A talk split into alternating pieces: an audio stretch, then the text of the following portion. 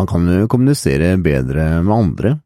Hvis du er litt beskjeden av det, hvilke teknikker kan du bruke da? Og hvis du kanskje er litt vel frampå, hvilken, hvilken tilnærming kan du benytte deg for at folk skal like deg enda bedre? Hei og velkommen til De tre vise menn. Mitt navn er Frank Nilsen. Jeg har produsert podkaster i åtte år, og det har vært mentaltrenerpodkasten Ekstrempoden andre boller med flere, og felles for alle podkastene er nettopp det mentale. Og jeg har intervjuet uh, professor G. Jordan B. Peterson tre ganger, hvis jeg husker riktig, og selv til han så har jeg intervjuet Olaf Tufte, Magnus Midtbø, Birgit Skarstein, uh, forsvarsminister, forsvarssjef forsvarssjefen min. Eirik Kristoffersen, Alex Rosén, eh, Andal Torp, Jon Øigarden Ja, jeg har intervjuet de fleste opp mellom årene, og i tillegg til det så Ekstrempodden så intervjuet jeg bare mennesker som har gjort det mest ekstreme, for eksempel Kristen Harila som gjest flere ganger. Og det jeg alltid har lett etter, da, det er jo hvilke mentale teknikker er det de menneskene her bruker? Hva er tankesettet deres? Hva er det de sier til seg selv? Hvor er de løse utfordringene? Husker jeg spurte Børge Aursland, for eksempel, han polfareren, hvis ikke du har hørt om ham. Så hva, det, hva, gjør du på en måte når du er ute i isvedet alene og du er helt og du oppdager på en måte utfordringer som er stressende? Nå sier jeg at uh, jeg hever blikket, og noe av grunnen til at han på en måte var ute så lenge, var å finne u komme liksom i kontakt med, med, med, dyret i seg selv. Og det er jo alle de tingene her, da, som uh, førte til at vi nå startet den podkasten her, som er ny, som heter Tre vise menn. Da med meg så har jeg med Jo Syversen. Han gjorde kjempesuksess i Nav med sitt uh, Tenk stort-program, da han fikk mennesker som ikke kom seg ut i arbeid, og hjalp til å komme ut i arbeid. I tillegg til har han jo vært foredragsholder. Jeg har sett Jo stå, få mennesker til å stå, hoppe og danse og være meget høyenergiske på foredrag, og i tillegg har han jobbet som coach. og vi har da sammen på Mentalterapeutkassen løst mange mentale utfordringer da i løpet av de åtte årene. Og med oss den tredje vise mannen, det er Stian Økeleisen. Han startet først ut som uh, personlig trener for vel uh, 23 år siden, og etter det så ble han en av Norges fremste muskelterapeuter, og siden det altså har han utdannet seg og jobbet med helhetlig helse. Det må det mentale, alle aspektene rundt det, og husker jeg riktig så har han vel jobbet med noen av de fremste norske næringsliv, og jeg tror også han har jobbet for uh, en av Kinas rikeste kvinner òg, men det var, tror jeg covid satte en stopper for, ellers tror jeg han fortsatt uh, alltid vært og jobbet for henne, men uh, det kan sikkert fortelle mer om selv, så vi ønsker deg bare velkommen til De tre vise menn, der vi, vi har gått over 40 års erfaring til sammen med å jobbe med mennesker, og vi er alle opptatt av å finne gode mentale teknikker og verktøy for å løse utfordringer, hvilke tankesett det er vi kan gjøre noe med her og nå. Så denne podkasten her vil vi ukentlig løse utfordringer ut fra tre forskjellige perspektiv, og du, du, kan sende inn din mentale utfordring. Det kan du gjøre til eh, post at mtfranknilsen.no, og så vil vi ta det opp og prøve fra tre forskjellige vinkler, da. Tre forskjellige tilnærminger å løse den utfordringen. Så jeg ønsker bare gå litt med denne episoden her med tre vise menn. Så jeg tenkte at vi kan vel ikke starte med det som de fleste av oss eh, er ganske opptatt av, og det er eh, hvordan bli likt av andre, og hvordan kommunisere bedre med andre. Så jeg sender ballen videre til deg, Stian, hvis du ønsker å starte showet med hvordan du kommer best overens med andre. Det er en litt så morsom historie der, da, for jeg husker jo når eh, du, du begynte jo å studere NLP halvannet år før meg. Og så husker jeg du på første kurset så sa du bare ja, du trenger ikke den NLP-greiene hans, for du gjør det der, det er helt naturlig. Og så, bare for de som ikke vet hva NLP er, da, altså det er jo evnen til å kommunisere bedre med deg selv og med andre mennesker, på en måte, og kunne hjelpe dem fra der de er til der de ønsker, og gjerne langt forbi, på veldig mange forskjellige måter. Og det var jo bare første helga du var der, og da var det jo snakk om noe som heter å speile andre mennesker og bygge rapport. Og da sa du at det, det, det, det gjør du. Så jeg, jeg kan jo ingen verdens ting om det NLP-greiene her, jeg skjønte ikke hva det var engang, speil og bygge rapport. Og det er jo rett og slett bare da å Du kan nesten kalle det sånn enkelt og greit, hvis du skal sette det litt på spissen, men det, det er litt sånn, litt sånn bad rap hvis du sier på en måte å være kameleon, men det er rett og slett det å faktisk nesten ta på deg trekket til den andre personen. Hvis den andre personen er veldig blid og glad, på en måte, så er du veldig blid og glad tilbake. Hvis en er litt sånn eh, hardt steinansikt, så er det den du på en måte gir på en litt sånn litt sånn litt hard måte tilbake, ikke sant, og så kan du på en måte lede mennesker videre dit du ønsker de. Og jeg hadde jo da tydeligvis det her på et totalt ubevisst nivå helt siden jeg var liten, fordi både moren og faren min hadde gjort det her, ja, igjen, mest sannsynlig helt totalt ubevisst, så jeg hadde gjort de greiene her helt ubevisst. Så når folk, hvis jeg var med en MC-gjeng, da bare sklei jeg helt inn. Hvis jeg var med en lege, så sklei jeg helt inn. Var jeg med en advokat, sklei jeg helt inn. Var jeg med gamle Olga på 86 år, så sklei jeg helt inn med Olga på 86 år. Og, og det verste er at jeg tenkte ikke noe over det engang. Jeg hadde aldri noensinne en negativ baktanke med det i det hele tatt. At jeg skulle få noe ut av det, at jeg skulle ha noe Det bare Jeg gjorde det totalt ubevisst. Jeg, jeg nesten bare blei sånn som de menneskene, på en måte. Så det var min måte. Så det som skjedde med meg da, når jeg begynte med NLP Jeg gikk jo motsatt vei. Jeg tenkte herregud, har jeg holdt på med de greiene her hele livet? Hvor er jeg igjen oppi de greiene her? Og det var jo det som var så morsomt, for det sa jo du til meg, Frank. Du sa blir du ikke jævlig sliten av de greiene der og skulle liksom bare merge med mennesker hele tida, liksom? Og jeg bare nei, fins det noen annen måte å kommunisere med mennesker på? Igjen fordi jeg var helt ubevisst, ikke sant? Så min måte siden jeg var liten guttunge, sikkert på grunn som sagt av at mora og faren min var sånn som de var, og på grunn av alle de usikkerhetene som jeg vokste opp med, så blei det min måte å på en måte da i hermetegn bli likt på. Å komme meg inn, og komme meg inn. Og så igjen, så bare blei det liksom et sånn social people skill som jeg bare tok med meg. Så for min del, så de siste jeg håper å si 15-16 åra sånn, så har det vært egentlig på en måte bare å bryte den. altså bli mindre likt av andre, er det du prøver å si? Å bli mindre likt av andre mennesker. Så det er der jeg sitter nå. Mer meg sjæl, men mindre likt.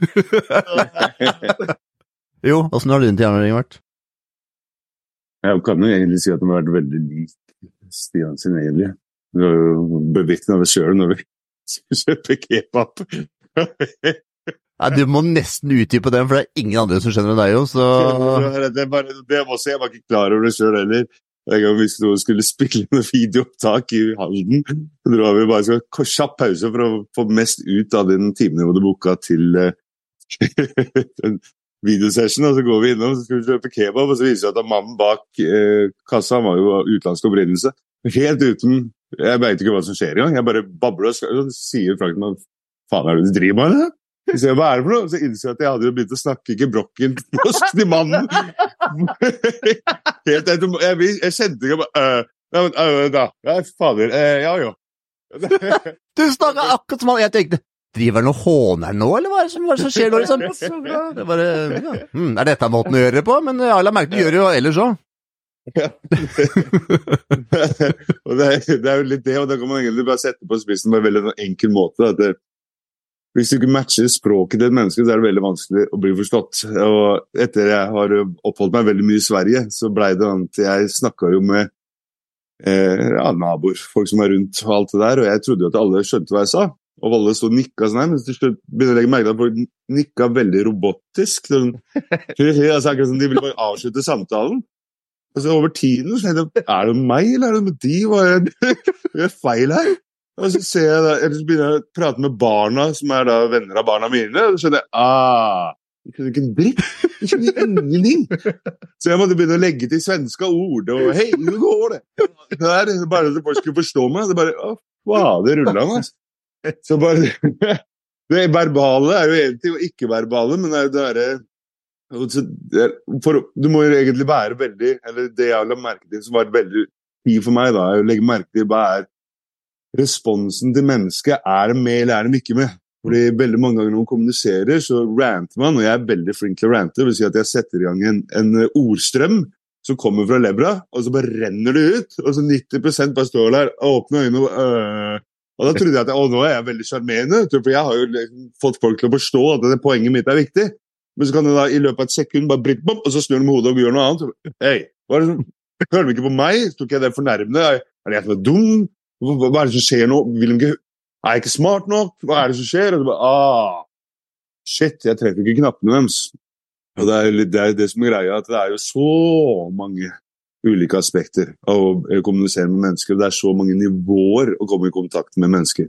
Og til slutt så er det litt sånn som Stian sa, at han jobba mot, mot de naturlige skillsa sine. Det er nesten så du blir litt pissed off til slutt, for det er ikke alle du har lyst til å tilfredsstille til slutt. ikke sant? Det blir sånn, Hva er det jeg driver med her? Hvorfor driver jeg og skal få folk Nei, fuck det her, da. Du bare tar distanse fra det. Men jo. Absolutt. Ja, Det er veldig interessant, og jeg kjenner at nå fikk jeg vondt i magen. og jeg tenker at Det er, en, eh, det er et godt tegn på at det er bra start på første episode. Og i motsetning til disse andre apekattene her, da, så har jeg en helt annen tilnærming til å bli likt. Jeg fant ut det tidlig at eh, jeg er ikke så veldig glad i å høre min egen stemme. Tror jeg i hvert fall. Så jeg fant ut hvordan jeg skulle få andre like meg, det er bare å stille spørsmål. For alle liker å fortelle om seg selv. Så min tilnærming var rett og slett å stille spørsmål som andre kunne dele av seg selv.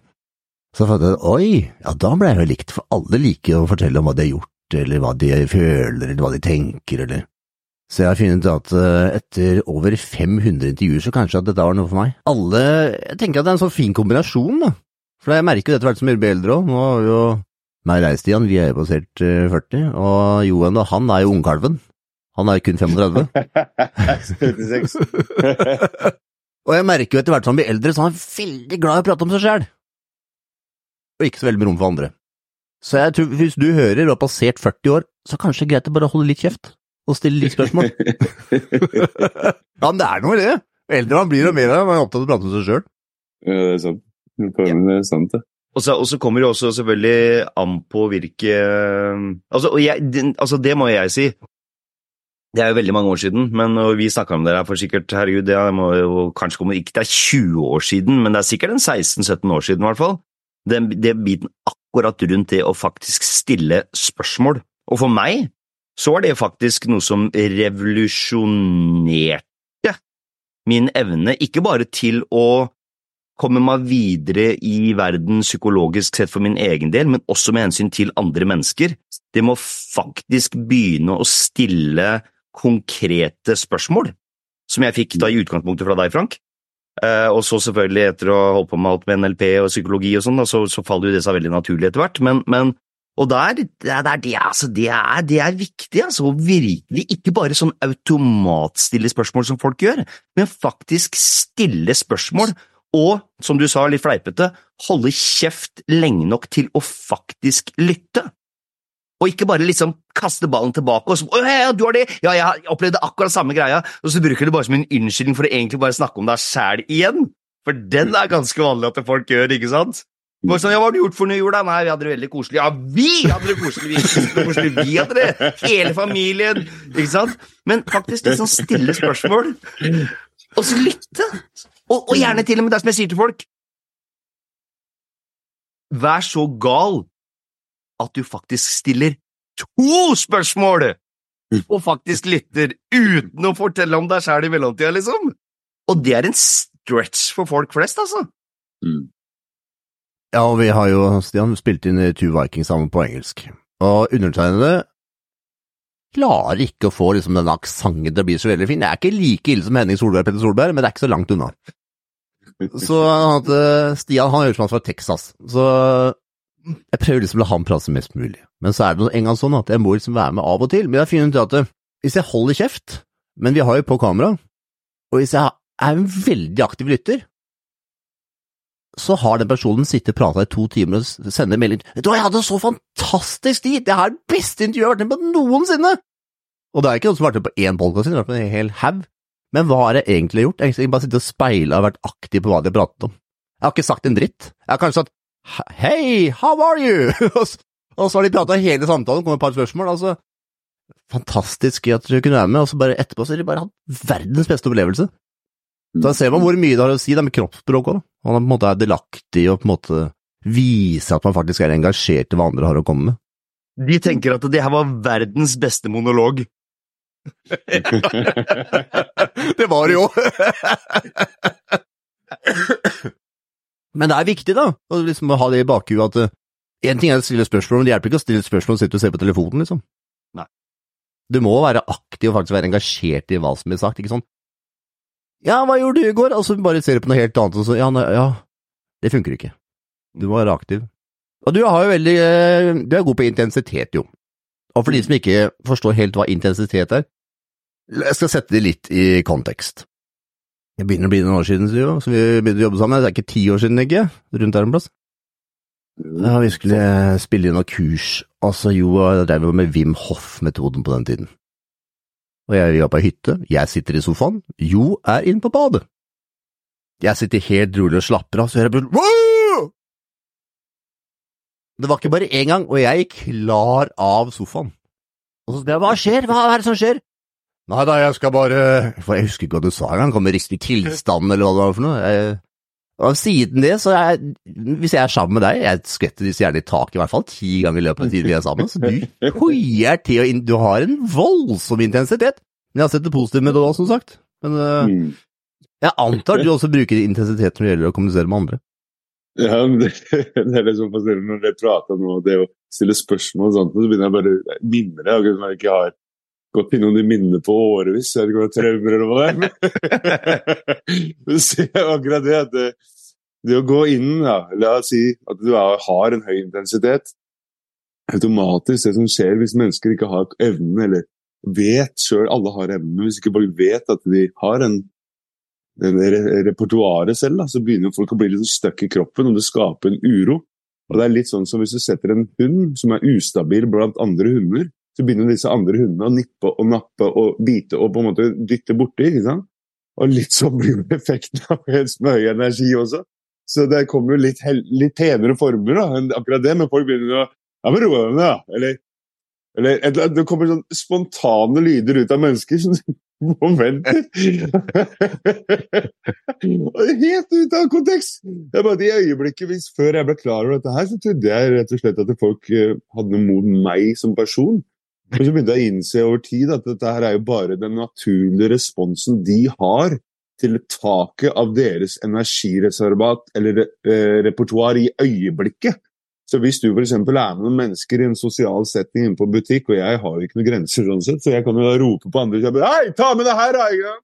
Og de bare blir sånn, ikke sant? fordi det er et eller annet i dem. Men så tar de med på et annet sted, åpent fjell, og så roper høyt der, så står de med Gary like høyt sånn sett. Så det blir jo det er jo, Alle har jo sine, ba, eller sine komfort Eller ikke komfort, for det er jo egentlig det er, det går mer, det er mer enn komfort. For det hadde bare vært om komfort, så var det, det, er, det er noe dypere. Det er akkurat som det er eh, identitets... Eh, eh, ikke barrierer, men det er lokka identitetsperspektiver som forholder seg til ulike scenarioer og settinger ulikt. Og Det er derfor du, som du har sagt mange ganger, Frank, at når du tok med folk på coaching, så gikk du ut i skauen og gikk, gikk, gikk tur. Jeg har hørt prate med mange som har sagt at nei, jeg vil ikke gå tur. Jeg vil. Nei, men det er akkurat det som er greia. Hvis du skifter miljø, så åpner du andre barrierer. Du åpner andre omgivelser. og Hvis folk ikke helt veit hva det er, så bare se på sjefen din når du har helt han x antall sprit, og så på julebordet der, så ser du at han plutselig har helt andre barrierer og er et litt annen karakter enn det han kanskje viser i hverdagen. Så det er rett og slett at vi har områder hvor vi på en måte kan åpne oss, være mer til stede, med sånt noe. Og jeg tror den Jeg kan si det er en blessing and a curse, da, for den intensiteten, den, den gjør at hvis jeg blir forbanna for noe, så er du ikke half-ass. Og da spiller det ingen rolle om det er en fisk eller om det er samboeren. ikke sant? De, de får det fullt, det er som en drage. Sånn, Og det kan jo være for en utrent øre, eller kanskje veldig trent øre. Veldig sjokkerende når de går forbi døra her. Jeg står der og det høres ut som jeg rett og slett driver med hva heter det, sånn derre konemishandling. ikke sant? Og det er jo på en måte det, det som er fascinerende, at når du møter ulike mennesker, så hvor er intensitetsnivået? Bare la oss si at du setter opp en sånn liten mal. da, ok, Fra null til ti. Ti er helt ute i huet og ræva og kjører som faen. Og null er veldig ja, halvveis sober. da. Så hvis mellomsiktet der, hvis du skal møte et menneske og du føler deg litt nede La oss si at du er kanskje lav energi, sliten, og, sånt, og så er du på tre. Et menneske som ikke naturlig speiler eller klarer å møte Gå utenfor den sonen i seg selv, da, kan være veldig vanskelig å komme seg opp på deres nivå. Der er det kanskje det største utfordringen i samfunnet vårt. folk skjønner jo ikke dritt når folk plutselig går rundt og har høyt intensitet, lav intensitet og sånt noe. Det er på en måte kanskje gi dem akkurat som lytte, da, men også kanskje lytte litt med følelsene. Lytte litt med kroppen, lytte litt i den opplevelsen av hva som foregår her. Gi det noen ekstra sekunder. folk sier den der ubehagelige stillheten som dukker opp blant mennesker. Hvorfor er den ubehagelig, egentlig? Det er, litt, det er noe som jeg har stilt meg spørsmål mange ganger. Den er jo egentlig ikke det, men den føles det. For du må enten ned i gir eller opp i gir intensiteten. I hvert fall én av barometerne jeg føler. da. Hvis jeg har en skikkelig høy intensitet, og, så skal jeg på en måte prate om ting, og så er den veldig lav, så blir det sånn at jeg må liksom, få sånn tics, at jeg må stille i kroppen, og så roer meg ned. Eller deretter, hvis jeg er veldig sliten eller avslappa, så kommer det et veldig energisk barn inn døra. Er sånn så Da må jeg stille meg opp dit igjen. Og den evnen til å på en måte bevege seg gjennom Kall energi, men bedre ulike følelser, ulike perspektiver. da. Det tror jeg også er en jæskla stor nøkkel i forhold til det å kommunisere med andre mennesker. Det tror jeg. Absolutt. Absolutt. Og det blir jo det, det, Absolutt. Det er jo, ikke sant? Det er jo den speilingsprosessen, det også.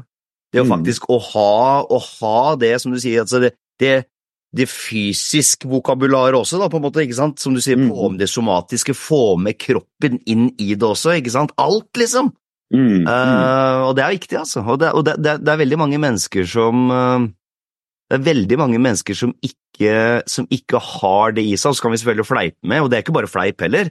Altså, det er jo som du sier, det er jo det er to sider av den medaljen, ikke sant? Mm, Å kunne, å kunne det her veldig, på en måte. Og da er det det der å finne den balansen, da. Jeg må liksom vite hvor er det autentiske jeg oppi det, mm, men mm. å kunne ha det skillsettet til å kunne slå på den knappen når du trenger det, ikke sant? Der Men ikke miste deg selv i det. Der sa du noe som er noe av det mest viktige. Det er tror jeg det som har kommet de senere åra for meg. Mm. At jeg, jeg mista meg sjøl i kommunikasjon med andre. Alltid. Jeg, hadde, jeg visste ikke hvem, hvem er jeg. Ante Yep. ikke. Og sist så bare Etterpå følte jeg ganske rart, eller ubehag.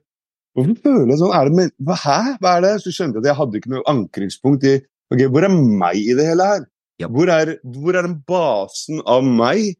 Og det skal jeg innrømme, det fant jeg ikke før jeg flytta langt ut i hutta heita på en øy og på en måte distanserte meg fra alle mennesker og satt for meg sjøl i flere år. Først da jeg bare, ok, det er noe som heter meg her.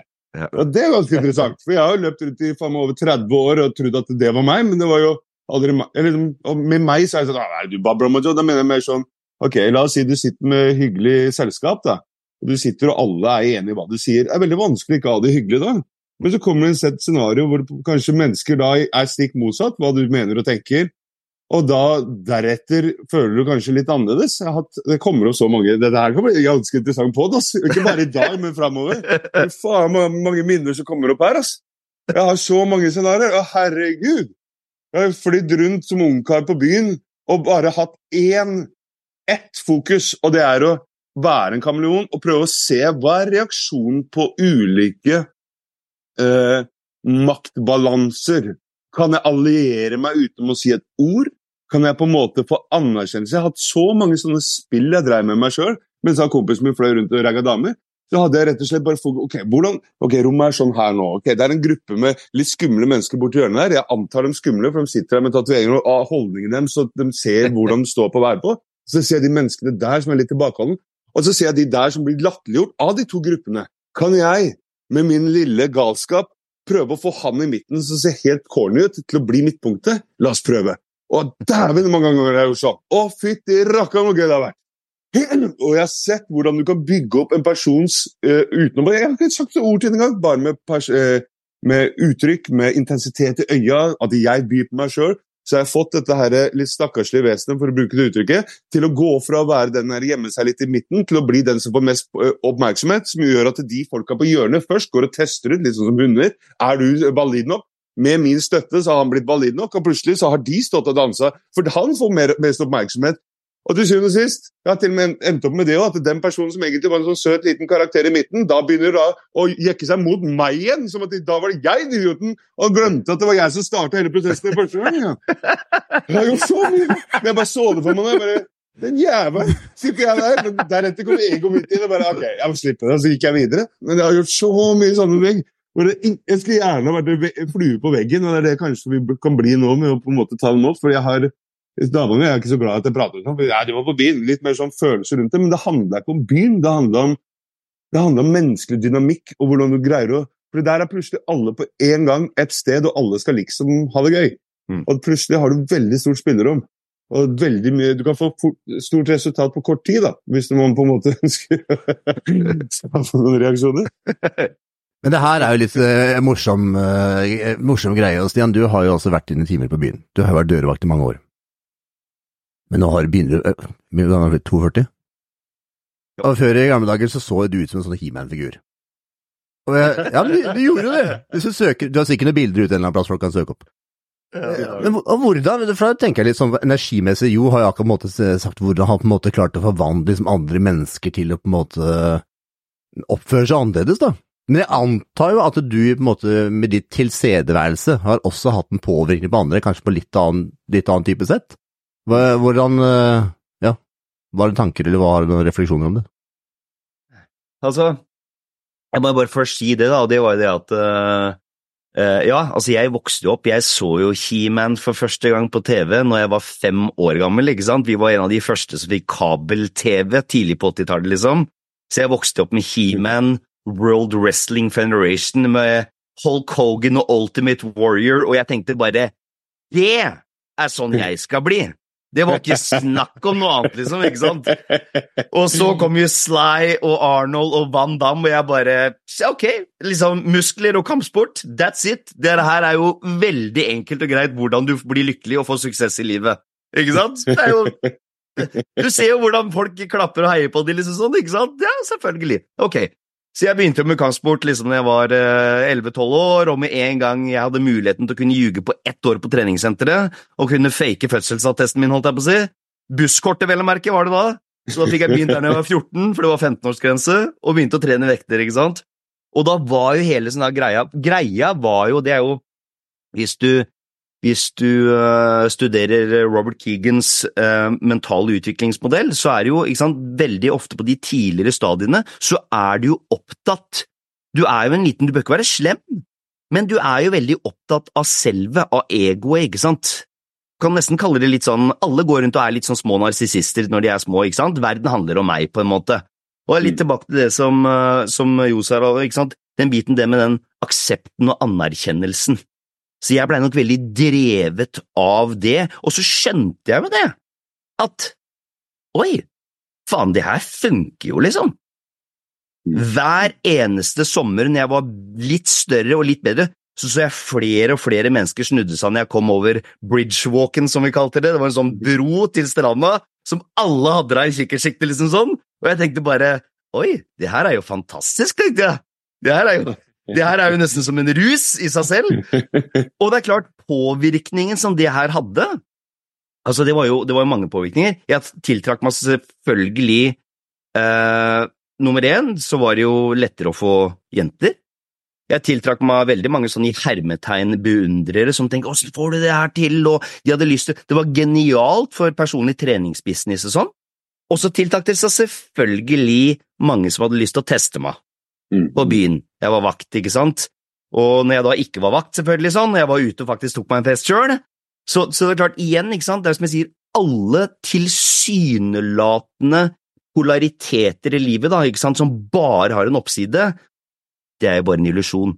Det har like mye nedside, ikke sant, det har like mye, det er jo igjen den tradisjonelle, eller klassiske, medaljens bakside men at det påvirka mange til å ville bygge på en måte seg store og i hermetegn flotte, på en måte, uh, i, i, i, gata og i byen, på en måte sånn, Uh, det, er ikke, det er ikke tvil om. Så det er mange som sa at det var en sånn inspirasjon. Jeg, og liksom, jeg så deg på sommeren siden, så fikk jeg så jævlig lyst til å på en måte bygge muskler. Jeg, også, liksom, jeg, hadde, jeg hadde så lyst på den der oppmerksomheten der. Så det var nok min greie. Og så elska jeg da å hjelpe andre mennesker. Jeg har alltid vært veldig sånn jeg elsker å hjelpe mennesker videre. Jeg elsker å få de til å føle seg bra, hvis jeg kan gjøre det. Bare at jeg kom, jeg kom nok fra et litt annet perspektiv, det var nok litt mer fysisk for meg i starten. Så jeg tenkte ja, selvfølgelig skal jeg hjelpe deg med det, jeg skrev programmer, og da gjør du sånn og sånn og sånn, og nå må du spise sånn, og det kommer til å bli dritbra. Så så jeg de var litt større, ikke sant, jeg bare yes! Ikke sant, da var jeg sånn supermotivator, superpositiv PT før noen andre visste hva en PT var. Det er 25 år siden, ikke sant? Uh, så, så, det er litt sånn morsomt det som, uh, som Jo snakker om, fordi det har, det har, vært litt samme greia, bare at Jo gikk tydeligvis ty tidligere på det konkret mentale, og jeg gikk mer på den fysiske, eller det fysiske aspektet, da. Mm. Ja, det som var grunnen til at jeg kom på det med De tre vise menn, at vi, vi har jo noen år på bakenden alle sammen her, da. Og når man har liksom jobbet med mennesker i så mange år, og har livsopplevelse, ikke minst, ikke sant, vi har jo, jeg er jo 43, Stian er 42, du er 36 jo. Ja, og jeg tror vel vi mer eller mindre har hatt uh, fokus på det med det mentale i, siden 2010-2027, rundt der ish, og de fleste av oss.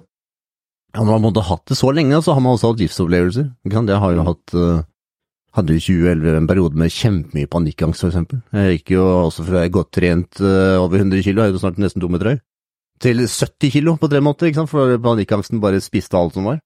Dere måtte løse det, og som i den perioden så tok jeg NLP, møtte Jo, og da var ikke du gamle karen, Jo, siden har vi jo samarbeidet også. Og, og det er liksom, jeg ser at vi alle har på en måte hatt utfordringer, da, og vi har klart å mestre utfordringene også, ikke minst. Da tenkte jeg liksom, jeg la meg i går, at nei, vet du hva, vi er bare nødt til å lage en podkast som heter Tre vise menn, for at vi har veldig forskjellige tilnærminger til utfordringer. Som du hører nå, så har vi jo på en måte snakket om det med hvordan bli likt av andre, da. Og jeg er jo på den som du hører, hører sikkert under eh, podkasten her, ligger litt bakpå, stiller spørsmål, prøver liksom å få samtalen litt videre, prøver liksom å få ut det som er av de andre, mens de andre på en måte deler mer av erfaringene sine, hva som har skjedd, og så videre. Jeg tenker at for du som hører på, da, og som kanskje vil bli bedre likt, så prøv å legge litt merke til hva som ligger naturlig for deg. For det også er viktig, å være autentisk. For det, man kan jo si man kan modellere andre, men hvis du er den som er så skikkelig stille, så er det ikke den som plutselig er midtpunktet. Det er liksom å finne disse, hva som passer best for deg. Mm. Jeg tror også det er viktig å vite at eh, det finnes en, bare metaforisk sett, Stian, Frank og Joey alle. Og det, men det mener jeg at den de ulike aspektene som du hører via oss, som du plasserer et ansikt og navn på, det fins jo hver og en av oss, men det mener jeg også at som Frank sier, kanskje ikke du er den som skal eller føler for å være midtpunktet. Men noen ganger så kan energien bli dratt mot deg. Bare en sånn brøkdel av sekund. Det kan bare være en frase, det kan være en vending, det kan være et ord, det kan være et spørsmål som gjør at du får den intensiteten av oppmerksomheten, bare det kanskje ikke varer sånn som en Duracell-kanin som meg og sønnen min. Da. At det er mer sånn at, det mer er noe som kommer, og det punkterer så mye hardere. Jeg husker jeg har vært på så mye kurs og sånt nå. Da var det en fyr som sa at eh, nå kommer det en dude opp på scenen som har mye karisma, han er veldig energisk og sånt noe. er bare, oh, dette blir spennende. Kommer det opp en fyr som jeg personlig ville dømt som en slabbe bare Slapp jævel, da, for faen. Han kommer jo bare helt hengende i mitt hode. Og så står han og ja, og prater med en faen er dette for piss? Men så begynner jeg å skjønne ok, greit, han står på scenen, og jeg gjør ikke, så kanskje jeg bør lytte likevel. da. Og så begynner jeg å høre på han, og måten han forteller historien Måten han forteller det her på, du skjønner. Det var en tøff tid. Og da begynner jeg å høre jeg bare, wow, okay, det var noe bak der. Jeg måtte bare ta bort det visuelle, så plutselig hører jeg på wow, det var den karakteren hans. ikke da? Så på en måte, De har alle disse ulike aspektene, og jeg tror jeg tror litt av den der forurensningen som jeg var en del av, jeg kan kalle det forurensning av eh, selvutvikling. Jeg vil kalle det for, forurensning fordi at det, eh, fokuset var på å bli mer og bedre. Mm. Men så hadde jeg glemt å finne ut hvem faen var jeg. mer og bedre var fint, det, men til slutt hvem faen var jeg, da? Jeg må kanskje finne ut det på. Så Selvutvikling, fantastisk, men kanskje starte eller Alle har sin start. Jeg tror ikke vi ender opp et sted hvor vi er 100% eh, fornøyd uansett. Så, men den forurensninga så på en måte går det altså kanskje an å gjøre det på en bedre måte, istedenfor å hoppe inn mot å endre karakter, endre væremåte. Selv om jeg har opplevd det òg. Fader og mange mennesker som har starta som litt den du fortalte, Frank, eller bare brukt som et eksempel, en som står litt bak og kanskje ikke er så til stede, og så i løpet av et par-tre år i en annen stilling eller en annen andre livsoppnåelser. Da. Plutselig står den som midten av uh, senterpunktet fordi at den har da, en form for selvtillit, har en form for uh, selvverd. Da. Eller i hvert fall bygges, bygges opp til et punkt. Og det er der kanskje vi alle kan være enige om at uh, vi alle, som Stian sa, har vel kanskje vært den selvopptatte, og noen kanskje bare dro den opp i alderen også. At vi på en måte meg, meg, meg, meg, meg. Jeg kan ærlig innrømme at jeg har store deler av livet mitt hvor har, jeg har ikke hørt noe annet enn min stemme. Men så er det også den at det kommer tider hvor at du kanskje prioriterer andre ting.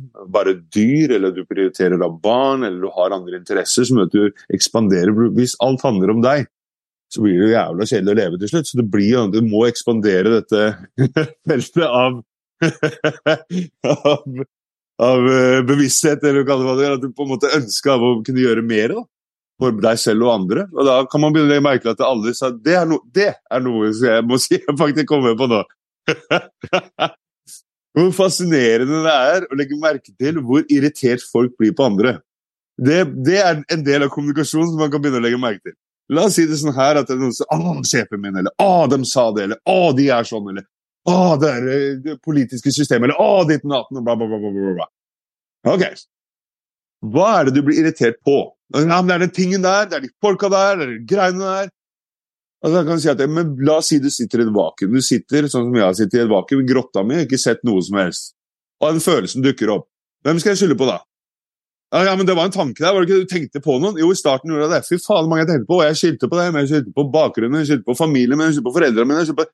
Til slutt så fasa det ut, så var det ikke så mange der allikevel. Da var det meg, da. Og da sitter jeg, men det var ikke meg, jeg kan ikke irritert meg sjøl. Jo, da jeg prøvd det òg, jeg. Sitte og være irritert meg sjøl, forbanna på meg sjøl. Herregud, hvorfor ikke gjort det bedre nok? Hvorfor gjør jeg det ikke bra? Hvorfor er det ikke gjør? Hvorfor er det galt med meg? Og til slutt fasa det ut, og til slutt Oi, det dukker opp en følelse i meg. Interessant.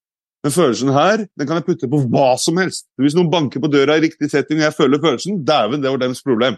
Eller f.eks. at penga kom ikke inn og skulle jo Å, fy faen, det er deres problem. Det er mitt problem. Så det som er at Når du møter mennesker, så er det så lett å ta på den ideen om at den følelsen vi får, er retta eller knytta til en person. Fordi at det begynner å generere noe i vår kropp. Så nesten litt sånn som tilbake til der eh, Stian starta i forhold til det med speiling og sånt noe. Vi er jo teknisk sett i et stort spill, eller stort univers, av å speile andre mennesker rundt oss, enten om vi liker det eller ikke. Noen er bare jævlig gode på det, andre er helt for jævlig på det. Og de som er dårlige på det, er jo egentlig kanskje de som virker som er mest suksessfulle har en retning i livet. Da, eller har en sånn Sånn skal det være. Det er bare at det, Sett et barn, en hund, eller et eller annet sånn kaotisk rundt det mennesket, skal jeg love deg at den fasaden som vi har opplevd blant disse menneskene, sprekker ganske fort. Og det er det å på en måte se Det er lett å kunne, sånn som jeg har gjort, jeg har sett svakheter, og så har jeg sett styrker. Det er veldig sånn herre pluss-minus. Hva hvis det er nyanser av disse tingene her som jeg kan treffe i meg selv? Og hvis jeg treffer det i meg selv, la oss si jeg står og prater med Frank, vi hadde en greie, interessant greie i går, en tekstmelding i Rant. og Når vi begynner å med hverandre, og sånt, så har Frank en veldig bastant uh, mening, og jeg har også bastant mening. Og til slutt så kjenner jeg at Hvis vi begge bare holder på bastantheten, så kan vi bare være uenige. Men til syvende og sist, hva skal vi være uenige for? Det var jo bare en dialog. Det var jo ok, Nei, vet du hva, jeg er glad i deg uansett. Jeg sa hva faen hva du mener. Ja, jeg er glad i deg òg. Så er det Hæ? Til slutt så mister det hele drivmomentet. Så jeg tror, og jeg vet ikke, men det føles sånn ut i hvert fall, desto mer man prater med mennesker, er mennesker, at man kan begynne å legge merke til hva er det som dukker opp i meg.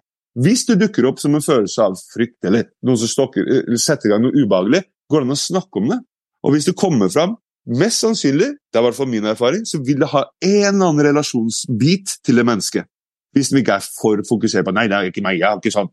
Men hvis det er en måte et menneske som har, har en relasjon til deg, eller ønsker en relasjon til deg, så klarer man å si hei, jeg føler det her er noe, om det er stressa, eller vet du, jeg føler litt ubehag her. Å, ok, hva, hva mener du med det? Og jeg føler det, ja, vet du, jeg også har det. Og hvis vi mennesker begynner å se at følelsene våre, tankene våre, kroppen vår, uten å si for Jeg kan si det sånn, Frank. Grunnen til at vi ble uenige, eller det starta på meg, var at du sa komfortsone. Ok, komfortsonen, jeg har alltid hatt idé, det veit jeg hva er. Men til slutt så begynte hjernen min Men hva er det? Hva er en komfortsone? En sone av komfort. Hvor starter den, og hvor slutter den? Er det i kroppen, eller er det i tankene? Er det handlinger, eller er det et endt resultat? Og så begynte jeg sånn, så jeg bare, øh, Nå ble jeg forvirra meg sjøl. Frank, hva faen mener du med komfortsone egentlig? Ja, men Du må komme deg ut av komfortsonen. Men hva mener du? Hva, starter det med følelsen av ubehag og ender med behag? Eller er det frykten jeg steller imellom? Og så begynte jeg å måtte den hele opplevelsen. Da. Det er jo for mennesker som hater sånne tanker i første gang, irriterende.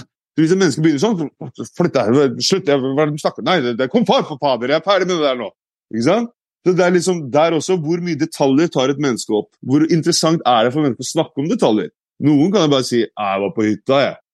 Så begynner du å Hvilken hytte er det, altså? Hvilken farge er det på den? Hvor, hvor, hvor det? Hvis du begynner sånn, så begynner Slutt, da! Det er jo hytta, for faen! Borti der!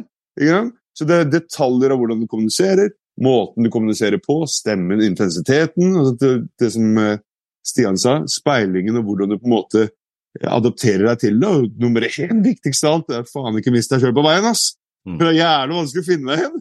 Mm. Jeg har brukt nå fem år nå. Jeg begynner å skjønne litt her, dette er meg, men det har tatt lang tid, ass! Det er derfor jeg syns det er så viktig det med, det med Jeg snakker jo alltid så mye om det med verdier. Og nå snakker jeg ikke om sånne verdier, sånne religiøse verdier og kulturelle verdier, og du skal alltid sette barna dine først, og du skal alltid snu det andre kinnet til, og du skal Det er ikke det jeg snakker om. Men hva som faktisk livet ditt demonstrerer at er viktig. Ikke hva du ønsker og drømmer om, for det er egentlig bare bullshit. Hva er det livet ditt faktisk demonstrerer? Hva er det du faktisk tenker mest på? Hva er det du digger og kan bare grave deg ned i YouTube-hullet timevis, dag etter uke etter måned etter måned, liksom? Hva er det du bruker penger på, hvor er det pengene dine sitter løst? Hvor er det du liksom, du, du har ikke noe shame, du bare ja, jeg skal ha det kurset, 10 000 spenn, no problem, liksom, på en måte. Men så sitter du kanskje på den andre og så bare ja, skal jeg bruke 700 kroner på de greiene her, ikke sant? Ikke sant? Hva er det livet ditt Mm. Faktisk demonstrerer? Hva du kan prate om i timevis med noen, på en måte, og tida det virker som Har vi sittet her i sju timer? Det virker som vi sitter her i 70 minutter, ikke sant? Ikke sant? Mm. Hva er det livet ditt demonstrerer? Og det er som jeg sier til folk, når, når du får det der imperative språket, det der nødvendighetsspråket, jeg må gjøre det, jeg burde gjøre det, jeg skulle hatt gjort det, nei, det er bare egentlig et symptom på at du lever etter noen andre autoritetets verdier, mamma, pappa, presten, sosiale medier, det er da du sier jeg burde vært i form, åh, jeg skulle hatt suksess, jeg skulle… Mm. Ja, men faen, er du egentlig opptatt, er du egentlig opptatt av det, eller er det bare en liten tanke som bare kommer og plukker deg litt som en sånn djevel på skuldra i ny og ne, nok til å fucke opp dagen din og uka di? Ja. Men hva er det livet ditt egentlig demonstrerer? Nei, vet du, jeg elsker å være en pappa, eller jeg elsker å, jeg elsker å lese personlig utvikling og selvutvikling, jeg elsker å meditere, jeg elsker, jeg elsker å være snekker, og skape noe med en hammer og liksom, det er det jeg digger. Fint, da skal du hedre det fullt ut, ikke sant? Det er Mm. der det vi kan kalle for, hvis det i det hele tatt finnes noe, noe selv, det er jo egentlig bare illusjonen rundt egoet, men det er, det er i hvert fall så autentisk du kan komme. Og så vil de verdiene, når du får fulfilled, når du får oppfylt de verdiene, så vil det forandre seg selvfølgelig. Ikke sant? Eller ikke selvfølgelig, noen de digger være for eksempel snekker helt til de går i grava, og de snekrer til og med etter de er pensjonert også, ikke sant? Fordi de elsker det. Jeg tror, tror nok alltid at jeg kommer til å elske i hermetegn personlig utvikling, åndelighet, psykologi, for det bare, jeg bare elsker det, liksom. Jeg kan ligge dødssjuk med covid, som jeg faktisk var i to dager. Jeg hate to admit it, for jeg skulle ønske at jeg bare kunne sagt at bare that shit didn't uh, touch me, holdt jeg på å si, men jeg var dritdårlig i to dager, men jeg lå fortsatt og hørte på en lydbok om psykologi, for jeg elsker det, liksom.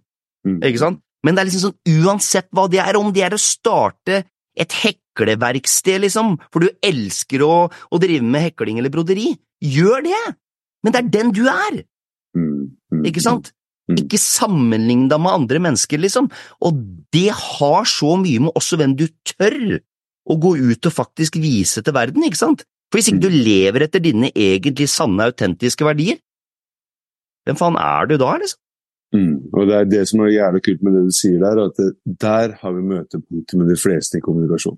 Mm. Hvis du har funnet visse ting som er veldig viktige for deg, og det, det er det du snakker om, uavhengig om de faktisk har den samme interessen, så vil den karismaen, den intensiteten, hva enn det skulle være, være noe som binder en form for interesse bare ved å høre på det. For du har, et eller annet, du har noe som kobler i deg av kraft, en, en, en, det er en intensitet der som kommer helt automatisk, for det ligger så latent for deg. Fordi du føler det. Og da blir det sånn at Uansett om personen egentlig driter i temaet ditt, så er det bare gøy å stå og høre på deg. Det blir jo, uh, kult! Ja, wow. Jeg har fått sånn sjøl. Jeg har hørt folk prate om ting jeg absolutt ikke interesserer meg for. Til slutt så bare sånn Det virker litt interessant, da. Fordi har nesten overtalt meg bare med sin karisma, at det er noe som de i hvert fall brenner for. Ja? Så jeg har i hvert fall gitt et forsøk, eller sett litt dypere på det. Jeg syns du har gitt veldig mange gode tanker og ideer og råd om det med å kommunisere bedre med andre nå. Mm. Og så er det en annen ting som jeg la merke til den andre podkasten har, som jeg syns vi måtte ha med her. Og det er jo dilemma. Mm. Jeg tenker at det er ikke litt morsomt å ha litt, eh, se litt på hva hva ville valgt eh, hver av oss, da? Jeg vet at jo, du har tenkt ut et dilemma, har du ikke det? Kaste ballen til meg. Jeg kan først si at når du sendte meg meldingen, så tenkte jeg Hva er det? Så jeg sier til eh, sommeren. Du, hva er et dilemma? Hva mener han med det? Og så sier hun Nei, og det hun forklarer, for gir du det beste dilemmaet, så kan ikke du dele det dilemmaet ditt først? Det er det sykeste jeg har hørt. Jeg bare, eh, Går det an å tenke sånn i første gang, eller? Så begynte jeg å tenke på det du skrev, og så bare Å, helvete! Jeg fikk sånn følelse i kroppen. Ute å kjøre. Så hvis du kan dele første gang, så har jeg funnet ut i hvert fall én. Men min er ikke så gøy. Derfor tenkte jeg å starte med noe som er litt gøy. Nei, jeg har jo bare stjålet det eksempelet som eh, jeg sendte deg til noen andre. Så eh, jeg tar den her fra langkjøring, jeg. Og da var eh, et dilemma. Så jeg gir den til deg først, Leo. Mm. Hver gang du skal pusse tenna, så er det en grevling på badet. Eller når du skal ete, så har du alltid hår i maten. Hvem har det ville valgt? Jeg møter grevlingen hver kveld, jeg, ass. Fader heller. Jeg veit i hvert fall at den er der. og det å tygge mat og drive og sirkle ut de greiene der hver gang jeg tygger, det orker jeg ikke, ass. Men grevlingen den kan jeg møte heads on. Come on, jævel! Today's a new day. Ok, så ut av grevlingen, Stian. Hva velger du, da? Ja, jeg hadde nok valgt grevlingen, jeg òg, altså. Ja, hadde du det? Ja, det. Ja, de kan være jævla kjipe, da. Ser dårlig ut, ja. Jeg kan det, altså. De ser jo ikke men, dritt. eh, altså, jeg hadde jo lurt jævlig da, hvis det var en grevling på badet mitt hver kveld som plutselig kom tuslende inn. Så det kan hende at jeg hadde tatt meg en liten tur på sykta, faktisk. Eh, Men sånn i utgangspunktet, hvis jeg hadde visst døra sto oppe, grevlingen kom inn Jeg liksom tenkte at det her er a touch of reality, liksom. Så det var midt på vinteren, alle dørene var nødt, liksom, og det er tredje jævla kvelden som grevlingen kommer inn på badet mens jeg bestemmer meg med, da tror jeg kanskje jeg hadde valgt de hår i maten eh, til slutt, når jeg tenkte meg om. Når du sendte til meg i går på, på Er dette med spørsmål? Kommer han hver gang? eller? Hva gjør han der, da? Han er Ja, det er hver gang, det er hver gang jeg spør. Det er hver gang, det er jævla gang. det er akkurat det dilemmaet her du satt og kokte opp i går kveld, eller, Frank? Nei, jeg stjal fra noen andre. Skal ikke ta det her, da. Grevling når jeg pusser tennene. Ja, men livet er jo fullt av forskjellige dilemmaer. Helt klart. Det er jo det, men, men når du tenker dilemma, altså, tenker du Altså, kan du Kan du kan du, kan du definere det som Jeg holdt på å si To onder. bare rett og slett valg med hensyn til uh, valg, ok, noen har lyst til å på en måte være single og få oppmerksomhet og spre den gylne havren, eller å på en måte være i forholdet. Jeg holdt på å si, det, er jo, det er jo en klassisk greie som jeg jobber mye med med, med klienter. Uh, ikke sant? Så det flere som kommer inn der, liksom, på en måte. Ja, ja. Nei, jeg tenker jo ja, noen ganger så må vi også ha litt uh, valg mellom to onder. Og da kommer liksom dilemmaet inn med at du alltid må møte grevlingen på badet, eller alltid ha hår i maten. Da har liksom to onder liksom, du må velge en av de åndene, og det er uh, tenker at sånn er livet noen ganger òg. Du må liksom ta noe heads on, enten det er den ene eller den andre, og jeg at Jeg har eh, en, da. Ja, fyll løs, fyll løs. Men den er er ikke så morsom, men den er faktisk sann. fordi jeg satt og så på en dokumentar om akkurat det i går, så jeg tenkte hm, Og der kaster du litt spirituelt inn, og så kaster du da en fysisk realitet. Ville du bodd siden av et atomkraftverk, eller ville du hatt et atomkraftverk inni deg selv?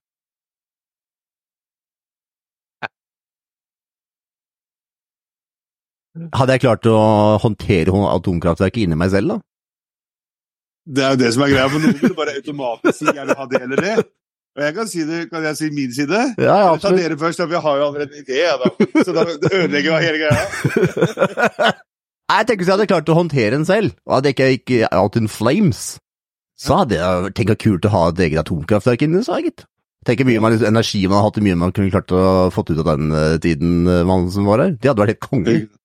Og tenk, og, og, og, og, hvis man drar litt lenger, tenk hvis som allerede har det. Man bare vite Det er hvordan man mestrer det ennå. akkurat det jeg føler. Jeg sånn, Ville jeg bodd siden der, ville jeg hatt en time. Hei, jeg har jo et time! Cellene mine eksploderer, boom, boom, boom, så atomer inn og ut av virkeligheten. Hei! Altså, det har jeg da! Fanken med et jævla atomkraftverk for det? Og disse folka som var på dokumentaren, liksom, atomkraftverket ble ødelagt, og folk sitter og venter på radioen. Hva skal du si? Første jeg sa, bare bygger med sånne. Jeg stikker til helvete derfra. Og det er ikke det at jeg per dags dato har noe mot atomkraftverk. Jeg vet, ting har blitt sikrere, alt det der.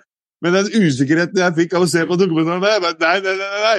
Jeg stikker! Og jeg blir ikke Jeg tar et telys, jeg var en liten opplada batteri jeg drar innom bensinstasjonen.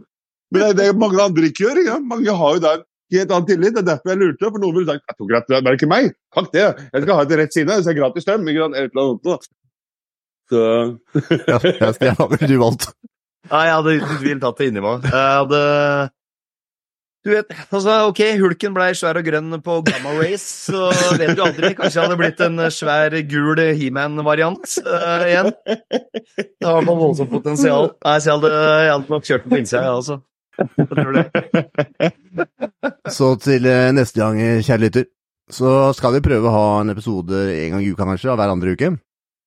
Og så har vi også tenkt som så, at eh, de som er med og bidrar, for vi trenger jo å få hjula til å gå rundt, vi også som alle andre, så kan du vippse til eh, Tre vise menn. Da går du inn på Kjøp og vips, og så søker du opp eh, Tre vise menn-podkast, og så kan du vippse der.